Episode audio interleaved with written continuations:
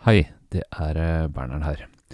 Forrige uke sa vi som vanlig at vi prates eh, neste uke, men da husket vi jo selvfølgelig ikke at denne uken består av helligdager og planleggingsdager. Derfor blir det et gjenhør eh, her i feeden denne uka. Et gjenhør med Ane også. Eh, vi håper du liker det. Torsdag forrige uke kom beskjeden om at Gunilla Bergstrøm er død, 79 år gammel. Hennes 26 bøker om Albert Aaberg er oversatt til 30 språk og er solgt i 10 millioner eksemplarer. To generasjoner nordiske barn har vokst opp med Skal bare og Pass deg for Sagen. I denne episoden av Morgenbladets bokpodkast skal vi snakke om Gunilla Bergstrøm og bøkene som gjorde henne stor.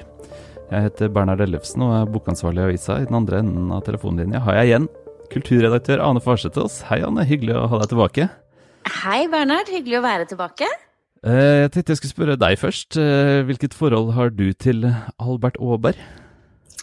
Og jeg har jo det forholdet at jeg har vokst opp med de bøkene, jeg som eh, så mange andre.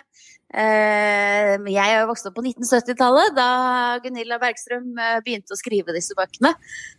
Så jeg fikk nok de ganske fortløpende lest, og lese selv, etter hvert som de kom ut. Og så hele dette liksom drabantbyuniverset på 1970-tallet som Albert lever i det er jo også et univers som er min oppvekst, da.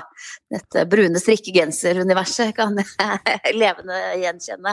Ja, Det har vi snakka om flere ganger her, om, om at du har, du har, både skrevet om drabantby-universet og, og, levd i det. Hva, hva betød det for lesinga, tror du? Og liksom gjenkjennelsen eller ja, verdensfølelsen? Jeg vet egentlig ikke om jeg tenkte så mye på det da, men jeg tenkte veldig på det nå, som jeg prøvde å se på bøkene igjen, da. For nå må jeg jo innrømme at det er en stund siden jeg har sett på de. Og så gikk jeg på Deichman i går for å låne de. Der var alle utlånt, gitt. ja, så det, det, er, det, tror jeg ikke bare er fordi hun, hun døde nylig, faktisk. Det, jeg har jo jobba med Albert tidligere og hatt seriøse problemer med å få tak i bøkene på biblioteket. Det er To-tre stykker står der, og resten er utlånt. Og sånn er det nok alltid. Ikke sant. Det var mye av de mindre kjente titlene som var igjen. Eh, men da slo det meg jo veldig at dette er den eh, oppveksten som ligner på min egen oppvekst, da. Eh, det kan man jo også lure på, ikke sant. Dette Albert han har jo en ganske sånn vil jeg si veldig grei for. Mm. Er det litt sånn moderne barneoppdragelse, litt 70-talls barneoppdragelse? Det er jo mye sånn at Albert skal lære av uh, sine feil selv. Det er ikke noe autoritær far han har. Så det kan jeg også gjenkjenne, den liksom tidens holdning til forholdet mellom barn og voksen, kanskje. Vi kan, vi kan, snakke litt mer om det etter hvert, fordi at pappa er jo kanskje en av de mest interessante skikkelsene i universet her. Og han er jo på, på, en måte både en uh, typisk uh, sosialdemokratisk idealskikkelse, som du er inne på, men han er jo også, uh, også, litt tilbaketrukket bak avisen. Men det kan vi komme tilbake til, for det er et interessant, ja, interessant trekk. Ja, det er jo litt mer gammeldags, akkurat det der med at han sitter og gjemmer seg bak avisen. Nettopp. Men hva er ditt forhold til Albert, da? Ja, jeg har litt det samme som deg. altså Det er jo de to, kanskje to første tiårene av Alberts liv i litteraturen, altså 70- og 80-tallet, eh, som også var de mest produktive og sterkeste tiårene for Bergstrøm. Og da leste jeg dem også som eh, barn på slutten av 80-tallet. Uh, har veldig gode minner med det, rett og slett. Jeg husker det sånn, som sånne Ja, de bildene fra den, den verden. Jeg, særlig bygge helikopter og pass deg for Sagen. Den, den festa seg sånn skikkelig i i eh, hukommelsen. Og så har jeg lest noen av dem for mine egne barn, eh, da de var ganske små. Altså, mm, de yngste er fortsatt bare syv, men de traff nok enda bedre for et par-tre år siden. Men de kan fortsatt ta dem frem igjen og lese dem selv, legger jeg merke til, når de velger seg bøker i bokhylla. Og så, ja, så skriver du i Morgenbladet denne uka at mm. du også tar dem frem for å lese dem for deg selv, fordi du har lyst. Ja, for disse siste, altså de siste årene Det ble kanskje um, på en måte satt i gang av en biografi som kom i 2019, eh, skrevet av en svensk journalist som heter Claes Gustavsson, som jeg har lest flere biografier av før. Eh, den satte i gang en litt sånn ny interesse i Albert for min del. og da leste jeg alle bøkene om igjen. Det er, det er mange, det er 26, men vi er voksne, så det tar ikke så forferdelig lang tid å lese 26 uh, Albert-bøker. Men det var en veldig øyeåpne opplevelse for min del. Og selv om en, kanskje på en måte halvparten er ganske alminnelige, eh, så ble jeg sittende igjen veldig imponert over de, de beste av dem. Eh, der var det mye som jeg ikke hadde på en måte lagt merke til, men nok likevel hatt glede av som, eh, mm. som barn. Og ikke minst så ga biografien en hel del nye pekere inn i universet, som, jeg, som åpna det opp for meg. Både hva angår Bergstrøms liksom, litterære forbilder, formgrepene og hvordan bøkene ble til. Altså, de er jo de, Hun har jo liksom snubla inn i denne verden selv, og det syns jeg var veldig interessant å, å lese mer om. Ja, la oss snakke litt om det der. La oss liksom gi en liten ramme, en liten skisse for hennes liv og forfatterskap, eh, sånn som det fremkommer i denne biografien her. Ja, altså hun eh, var jo journalist, eh, og mm, hadde skrevet, skrevet en Hun debuterte da i 1971 med en bok om en liten jente som heter Mia. Det er en slags skilsmissefortelling. Hennes eget kallenavn da hun var liten, var Gia, og hun var skilsmissebarn, så der var, det nok, uh, var hun nok tettere på sitt eget liv enn hun skulle være senere i Albert-bøkene, som, som, helt klart ikke er tett på verken hennes eget liv som barn eller med sine egne barn. Uh, men det som jeg syns er litt interessant å, lese i biografien, er at um, altså denne boka ble antatt på det svenske forlaget Rabena Sjøgren, et av verdens beste barnebokforlag, som um, på det tidspunktet var ledet, altså redaksjonen, var ledet av Astrid Lindgren. Hun hadde sin, selveste. selveste. Hun hadde sitt siste semester, kan vi vel si, på jobb i redaksjonen høsten 1970, som var da Gunilla Bergstrøm sendte inn eh, manuset til den lille boka om Mia. Så vi kan i hvert fall se for oss, det er vanskelig å slå fast, for eh, redaksjonsmøtene har ikke så detaljerte protokoller, tror jeg, men vi kan se for oss i hvert fall at Astrid Lindgren eh, på en måte var den som antok sin egen kanskje fremste etterfølger i svensk barnelitteratur. Og sammenhengene mellom, og forskjellene mellom Lindgren og, og, Bergstrøm er jo interessant å tenke over. Men i hvert fall så ble det en debutbok, og da, da skulle egentlig noen andre illustrere boka Mia. Men da, da, er det liksom fra forlagshold at den kanskje mest sånn epokegjørende oppfordringen kommer om at hun skal gi det et forsøk selv, selv om hun egentlig aldri har tegna som voksen. Hun tegna yes. masse som barn, masse, ja. men, men, ikke Hun hadde ikke noe kunstnerisk karriere. Nei, bare, bare, en oppvekst i eh, liksom, et veldig kreativt hjem hos faren, men ikke, ikke noe liksom, bakgrunn. Og så ble det den, denne streken, da, og denne kollasjteknikken og disse utsnittene, eh, som nå, ikke sant, er 50 år med visuelt språk som alle kjenner til. Liksom, ja, det skulle man jo ikke tro, fordi eh, det er jo så tydelig og gjenkjennelig eh, visuelt uttrykk der. Ja, og Albert da, kom jo, den første boka kom året etter. Det er 'God natt, Albert Aaberg', um, som jo fortsatt er en av de mest kjente, men som likevel skiller seg litt ut. Der er jo Albert bare tre år gammel. Og som Klas Gustavsson skriver, så ble den liksom kokt i hop i løpet av en helg, nærmest, den boken. Eller i hvert fall rammene for den. Hun visste ingenting om hvordan hun skulle gå frem. Hun var i, snek seg ut i bokhandelen med sånn eh, målebånd for å se hvor store eh, sånne pekebøker egentlig var. For dette var egentlig tenkt som en pekebok. Den ble utvikla videre til en bildebok. Eh, og begynte å, å, skisse og fant på en skikkelse som het Alfons Aamann. Eh, I løpet av helgen så bytta han navn til Aaberg. Eh, men det var aldri tenkt å være noe, noe serie. Eh, denne figuren som hun jobba fram, der var egentlig hovedambisjonen at han ikke skulle være pen, eller liksom ikke være noe sånn estetisk ideal. Han skulle se vanlig ut. Ikke være mulig liksom å idealisere på noe vis. Eh, men som vi vet, da, så ble denne liksom relativt raskt sammen ikke kokt, det er jo litt for sleivete, da, men altså utarbeidede eh, figuren og, og, verden til, eh, til, noe veldig stort. Eh, husker, du, husker du 'God natt, Albert Over'? Det er vel uh, der han på karakteristisk vis ikke har så veldig lyst til å legge seg, da. Det ja, ja. kan jeg i hvert fall identifisere meg med. ja, ja, det er jo en, en slags lakenskrekkens krønike som vi selv som voksne kan kjenne oss igjen. Men der, der, får vi jo liksom etablert noen ting, ikke sant, med Albert og pappa. Uh, pappa er veldig snill. Hver gang Albert ikke vil sove og finne på noe nytt, så kommer han likevel. Mm. Uh, men han er jo også da denne litt rare 70-tallspappaen, for han uh, røyker jo pipe hele tiden. Og... Ja, men de, de røkte inne på 70-tallet. ja, ja, og det har, det har, det har senere, Bergstrøm ble senere oppfordra til å justere på det, at eh, liksom, nå, nåtidslesere ville reagere på at han røyka på barnerommet. Det sa hun, man tar ikke pipen fra pappa, det kan bare glemme. uh, men uh, der, er, der, får vi liksom etablert ikke sant, denne litt sånn han er jo litt sliten og åh, subber inn og ut. Subber inn og ut. Men han kommer, og til slutt så sovner mhm. jo pappa først. Pappa, selvfølgelig. Mm. Eh, men tilbake til Astrid Lindgren, som altså eh, sto bak det forlaget som utga Bergstrøm. Eh, Astrid Lindgren slår meg ikke som sånn veldig lik som forfatter. Det, Nei, det er jo helt, Bergstrøm. Det er jo det er helt komisk tanke, da. Eh, hvor langt er det ikke fra, fra Nangiala til, eh, til, blokka der eh, Albert og pappa bor? Det er jo virkelig litterære ytterpunkter. Samtidig så har jeg liksom sett for meg litt av Tommy, naboen til, til Pippi.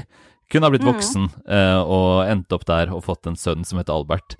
Så man kan jo liksom ane noen mulige overganger, og noe av varmen mellom pappa og Albert også tenker jeg har har noen paralleller i Lindgren-universet.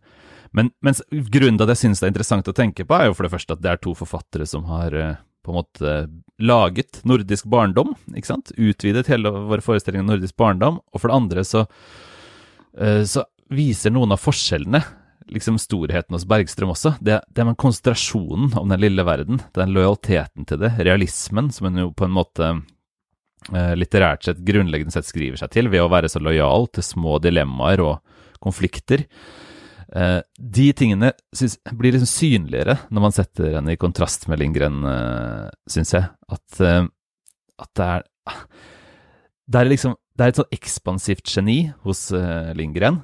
Så er det et veldig lavmælthet hos Bergstrøm, som det føles nesten kontraintuitivt å kalle geni. Men, men ja. etter 26 bøker og 50 år, det gjennomslaget og de så mange fine øyeblikkene, så syns jeg likevel det gir mening. Mm. Men eh, altså, svenskspråklig barnelitteratur, den er da virkelig noe for seg selv. Eh, Astrid Linge, Gunilla Bergstrøm, og hvis vi også tar med Tove Jansson, som er finsk, men som skriver på svensk. Altså, hvorfor har akkurat svenskespråket klart å lage så mange eh, barnelitterære klassikere og universer som elskes av både barn og voksne på denne måten? Jeg vet ikke. Altså, vi har jo sterke barnelitterære forfatterskap i Norge også, ikke minst i samtiden. Vi har en veldig sterk barnelitteratur nå, um, som er på mange måter imponerende. Men det er jo mer sånn heterogen størrelse, kanskje. Og så har vi jo våre egne, ikke sant. Egner og Prøysen og Anne-Cath. Vestli.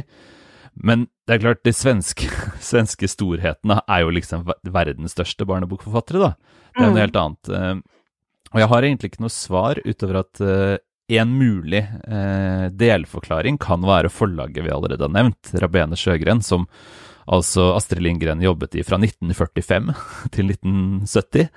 Eh, det er jo vanskelig å tenke seg at ikke en sånn hva skal jeg si, nasjonal strateg eh, har hatt noe å si, og, og, på en måte vært generasjonsinnstiftende eh, og tradisjonsinnstiftende. da. Og at uh, den største barnelitterære prisen er svensk, Almaprisen. Eh, mm. At, det, at, det, henger mye sammen med det miljøet og, og Lindgren. Og Lindgren også har jo altså bredt forfatterskap, at hun på en måte kunne grunnlegge flere tradisjoner. Det er veldig langt fra Marikken og Bakkebegrenna uh, over Pippi og Emil til Mime Mio og Brødrene Løvehjerte. Så det er på en måte flere, flere barnelitterære tradisjoner i det massive forfatterskapet. Eh, så det kan jo være forklaring, men det er sikkert det er jo andre som kan mer om barnelitteratur enn en meg, som kan ha, kanskje kan gi et klart svar. Men det er jo ikke noe tvil om at det er, det er liksom Det er jo verdens uh, største barnelitteratur vi snakker om i Sverige, og det er jo, er jo forbløffende. Hvis man er så heldig at man har den beste forfatteren som forlagssjef i flere tiår, så det kan, man har i hvert fall et godt utgangspunkt. Det kan virkelig hjelpe. Men jeg lurer på om jeg skulle sagt noe om det visuelle i, i Bergstrøm forfatterskap, som jo ikke bare er Albert, uh, men Albert er jo tyngdepunktet. Jeg vet ikke om du husker liksom hvordan det er å møte disse bildene, men ja, hva, hva, tenker du på da, som det mest sære Altså det klareste kjennetegnet, liksom? Hva ville du sagt hvis det er hvordan ser Albert ut? Ja. Det, er så få elementer der, ikke sant? Mm. Utrolig få elementer. Bare en dør representerer et rom, et skap representerer et kjøkken. Eh, det er veldig få gjenstander, og hver eneste gjenstand er veldig, veldig tydelig og veldig synlig. Ja, Da jeg leste det eh, som voksen, så slo det meg som en, eh, et uttrykk for en, en veldig imponerende selvtillit. Altså, hun har jo vært helt konsekvent på å nekte å fylle ut bildene. Og da hun så um, Toril Koves uh, film, animasjonsfilm om Albert, um, heter den Hokus pokus Albert Over? Uh, det har jeg ikke notert meg, men uh, den har jeg jo sett mange ganger med barna mine.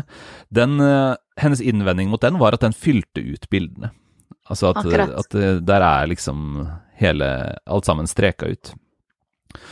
Og så I tillegg så er det jo kollasjteknikken som man uh, vil kjenne igjen. Altså, en, ikke sant, når uh, pappa sitter og leser en avis, så er det saksa ut et eller annet linjer fra noe annet så, og limt inn på akkurat der avisen er. Et eple kan plutselig være et fotografi av et eple. Uh, bylandskapene er ofte fotografiske, sånn som i boka om Skibert, som er veldig flott. liksom strukturer kan jo ofte være fotografiske. ikke sant? Treverk, f.eks. Og så har vi disse strektegningene.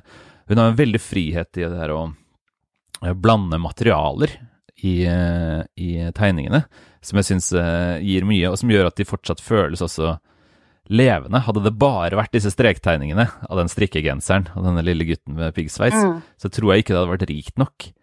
Nei. Men det gir liksom en dybde i både materialer og farger og følelse, og verdensbygging når hun uh, klipper og limer uh, på den måten hun gjør. Og alt dette var mm. ting som hun lekte frem uh, gjennom årene. Selvfølgelig, etter å ha laget 25 bøker over 50 år, så må hun jo kunne kalles en ekspert, men fra begynnelsen av så, så, var det noe hun liksom lekte seg, lekte seg frem til. Men hva med de språklige og litterære forbildene, da? Ja. Eh, du nevner noen litt overraskende, eh, som Tsjekhov. Eh, ja, Hvor kommer Tsjekhov inn i bildet her? Det hadde jeg ærlig talt ikke kommet på selv, hvis jeg ikke hadde lest det. Men dette er altså hennes egne Det er det hun sier selv. Hun sier at hennes tre fremste forbilder er Anton Tsjekhov, dramatikeren og novellemesteren, den danske vitsetegneren Storm P, som også hadde et veldig sånn lekent lag med ord og uh, den ekspresjonistiske regissøren Fritz Lang. Og det, det slår meg som overraskende først, og så vilt liksom åpnende og gjenkjennelig. Fordi altså disse små vendingene, språklige vendingene, de kan man finne igjen hos Storm P. Tsjekhov var jo radikal på det å holde seg i det små, ikke sant? Være lojal til, til um, Uh, hverdagslivets dramaer. Uh, Janet Malcolm i sin bok om Tsjekhov skriver om hvordan han hatet å reise. Fordi han mente at var det, det, var dritkjedelig. Verden, dritkjedelig. Alt som skjer av det store, skjer innenfor uh, liksom hverdagslivet og hjemmet. Det kan være uenig i, men det, det, blir jo på en måte en slags grunnsetning for den litterære realismen. Uh, så disse, disse, gjennom Altså, de slår igjennom, da, de, de uh, forbildene. Men når det gjelder språklige, så syns jeg vi også kunne koste på oss et lite eksempel. Uh, vi gjør det. Fra en sen bok, som vel også er likevel blant klassikerne. 'Så rart', sa Albert Aaberg. Ellers er det mange av de flest, mest kjente er jo av de tidlige. Denne er vel, hvis jeg ikke husker feil, fra 2002 eller noe sånt nå. Og den åpner sånn her. Her står Albert Aaberg, syv år og kjenner etter om han Hallo, er du der, Albert? ropte pappa for et øyeblikk siden. Og det er akkurat det Albert lurer på. Er jeg her? Jo visst, det kan vel alle som kjenner ham se. Der er han, litt rund og kort. Der er den høyre armen hans, og der er den venstre, som han holder eple i. Der er bena og tærne og det stubbete håret, hele kroppen hans, fra topp til tå. Et stødig hylster med navnet Albert på. Vi ser ham helt tydelig. men Albert synes ikke det er nok. Et hylster, et futteral, et skall med navn på, er det meg? Er det dette som er Albert, og akkurat han? Er det sånn det er, og ikke noe mer? Dette er jo en av de mest poetiske bøkene eh, som er skrevet, om, er skrevet om Albert, eh, som jo handler om hva er et menneske, og hvor, hvor, går grensene for kroppen vår, liksom, og innflytelsen vår. Han snakker om varmen som blir igjen etter han når han setter seg på, altså reiser seg fra stolen. Han snakker om um, spyttet som liksom går ned i bakken når han, når han spytter på bakken. Uh, men det er jo en sånn Ja, det er en, en liksom tro på sitt eget språk, da, i uh, Bergstrøms uh, bøker. De, de føles helt, helt seg selv. Uh, den er jo i tillegg ganske poetisk, mye mer poetisk enn uh, en mange av de andre. Uh, den er akkurat passe grublende, syns jeg. og så peker jo det her da på noe av det som jeg er fascinert av også. For det med et hylster, et futteral, det stemmer jo også på en måte. For, for hva er Albert? Kan du, kan du, si noe som kjennetegner Albert? Hans genser. ja, ikke sant? Et hylster. Ja. Eh, det er jo veldig spesielt da, at en så ikonisk skikkelse er nærmest uten kjennetegn. Altså, Pippi er verdens sterkeste jente, Emil er verdens mest rampete gutt, osv., mm. osv. Så, så mange litterære skikkelser husker vi av deres spesielle kjennetegn eller egenskaper. Albert er jo på en måte gutten uten egenskaper. Eh, mm. Og hva betyr det for et barn? Det er jo for oss så kan vi jo tenke at det er liksom sånn som Hans Kastorp, ikke sant? som er så alminnelig at, man, eh, at han ikke har noen spesielle trekk. Eller selvfølgelig mannen uten egenskaper. Dette er liksom 20-talls uh, uh, litterær figur. Men det er jo ikke aktuelt for barn, det er ikke relevant i det hele tatt. Men det som kan være relevant, er jo at det blir en, et, en værmann. Altså det som man kalte i middelalderens moraliteter for en, en værmann. Altså en som man kunne projisere seg selv på. Ja. Og fylle sine egne drømmer inn, sine egne dilemmaer inn. Og Det tenker jeg er mu også en mulig forklaring på suksessen, Albert. Ikke sant. Og det, jo, det, var jo veldig filosofisk og eksistensielt det du leste der, men jeg tenker dette med å fylle inn og lage sin egen verden, eh, de to skikkelsene som er viktigst utenom Albert, det er jo pappa, men selvfølgelig også Skybert. Eh, der har jo faktisk eh, Bergstrøm lagd Det må jo være verdens mest kjente hemmelige venn. Eh, for det har jo blitt mm. selve begrepet på det å ha en fantasivenn, er jo nå i dag Skybert. Eh, dette med å lage sine egne imaginære venner og verdener.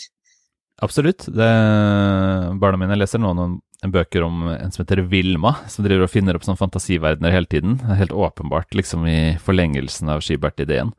Uh, men der også tenker jeg jo at uh, det er en speiling, da. Altså at uh, Albert har Skibert, og leseren har Albert. Fordi Skibert er jo lik, ikke sant? Han er også en tom Han er et futteral, han også. Og det speiler på en måte vår Altså barneleserens, i hvert fall opplevelse av Albert, det Albert opplever med Skibert. Samtidig som det er jo noen artige spenninger der òg, for de krangler jo litt.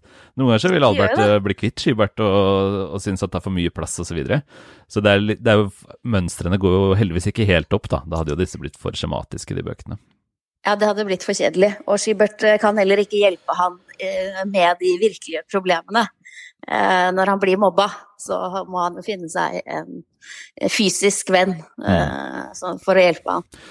Til slutt så har jeg lyst til å spørre deg om en ting. Altså, eh, vi, vi, driver jo eh, boksider eh, i en avis med en kulturredaksjon som dekker alle typer kulturelle uttrykk. Og noe man liksom hele tiden kommer opp i i en redaksjon, er jo, er jo når kunstnere dør, ikke sant, så gjør man opp status for deres verk osv. Når Gunilla Bergstrøm er død, så er det jo Det gir jo anledning til å tenke over betydningen og størrelsen og forskjellen, kanskje, på et uh, barnelitterært og et såkalt voksenlitterært forfatterskap. Uh, hva tenker du liksom om Nå er, er Bergstrøms verk avsluttet, og vi, vi, skriver jo om det, og vi prøver å undersøke hva det har betydd, osv. Uh, men tenker du liksom det, det Dette er jo målgruppespesifikk litteratur, det er retta mot barn. Hva, hva tenker du rundt det, liksom? I hvert fall så er det sånn at det gjerne kan være en forskjell i hvordan det blir presentert. Som du skriver, så er overskriften på nordiske kultursider har vært 'Alberts mamma er død'. Mm. At hun blir da fremstilt som en mamma, og ikke som en forfatter og en kunstner. Som du skriver, kunne vi tenke oss pappaen til Bjørn Hansen er død som en overskrift på en nekrolog over Dag Solstad. Mm. Det er jo kanskje også en forskjell i kjønn der, at det er lettere å tenke på en kvinnelig forfatter som en mamma. Så det er nok noen forskjeller der, ja, i at barne barneforfatterne de blir liksom eh, foreldre og mammaer i stedet for kunstnere i offentligheten. Og det bør vi kanskje tenke litt gjennom, da. Ja, det, det syns jeg også. Og samtidig så tenker jeg at uh, det, er, det, er, noe med å prøve å, å frigjøre seg fra målgruppetenkninga, altså, men åpne kunstblikket litt også. Hva, hva er det vi egentlig har å gjøre med? Hva slags forfatterskap er det? Uh, vi har jo lest dem som barn, ikke sant. Albert, det, herregud, det er, ikke til å komme forbi, liksom. Det er sånn kulturell størrelse. Hvordan skal man nesten klare å se på de bøkene uten bare å tenke på alt som følger med? Av uh, alt fra minner til kulturelle fortellinger til uh, Johan Harstads Hesselby, ikke sant. Til alle liksom referansespillet rundt og, og sånn. Men hvis, hvis de leser det like alvorlig som vi leser de andre bøkene vi leser, og og tar det liksom på fullt estetisk alvor, så bærer det. Og, og det syns jeg eh, det er god grunn til å gjøre med et forfatterskap som, eh, som Bergstrøms. Det, det, tåler den eh, liksom oppmerksomheten og den intellektuelle vekten man legger på skuldrene dets. Da. Det, det er viktig, syns jeg. Altså at det er en stor forfatter som er, som er død. Det er ikke mammaen til Albert, selv om hun vel sikkert kunne ikke blitt så irritert for det selv. Uh, hun, hun, var for øvrig ma mammaen til en av sine andre litterære skikkelser, eh, Bolla. Som jo uh, vi kan nevne helt på tampen. ja, som ikke er et annet litterært univers også, som jo både var viktig for henne selv og har vært viktig for andre også. Ja, mye mindre. Det er jo noen bøker med rim og vers, men det er bøker som handler om hennes egen familie. de er skrevet på en måte til sønnen, som heter Paul og handler om datteren Bol, som var født uh, med en slags hjerneskade, så vidt jeg har forstått, og som utviklet autistiske trekk, og som da var et annerledesbarn. Um, og de bøkene som er skrevet på rim, uh, og er veldig ærlige og fine og friske, og på en måte tar uh, brorens perspektiv, som heter Bill, i, i versene, de har betydd veldig mye for mange lesere. og er blant annet omtalt i en, eh, i en uh, fin bok som kom forrige uke, tilfeldig bare, uh, av Tordis Ørjasæter, som handler om litterære fremstillinger av annerledesbarn, hvor hun har et kapittel om Gunilla Bergstrøm, og forteller at hun fikk denne boka tilsendt i posten med inskripsjonen fra Bollas mamma. Det, det, ville hun nok ikke kanskje sagt om Albert, men, men i, de, i, det universet så er det ingen tvil. Der har hun skrevet om sine egne barn, og for kanskje for sin sønn. Så det er jo et annet del av universet som har betydd mye for mange. Den uh, boka kan man uh, lese om uh, på Morgenbladets nettsider. vi har intervjua Tordis Ørjasæter om hennes forhold til Gunilla Bergstrøm. Og så må vi ta med oss denne seriøsiteten da, og grundigheten i møte med ny barnelitteratur. Absolutt. absolutt. Det, det, tåler den. Norge har en veldig veldig sterk barnelitteratur også i, i samtiden. Tekstene vi har snakka om, kan man lese på morgenbladet.no. Der kan man også eh, abonnere på avisa. Det håper vi du vil gjøre. Og så snakkes vi igjen neste uke, Anne. Takk for eh, praten. Takk for praten.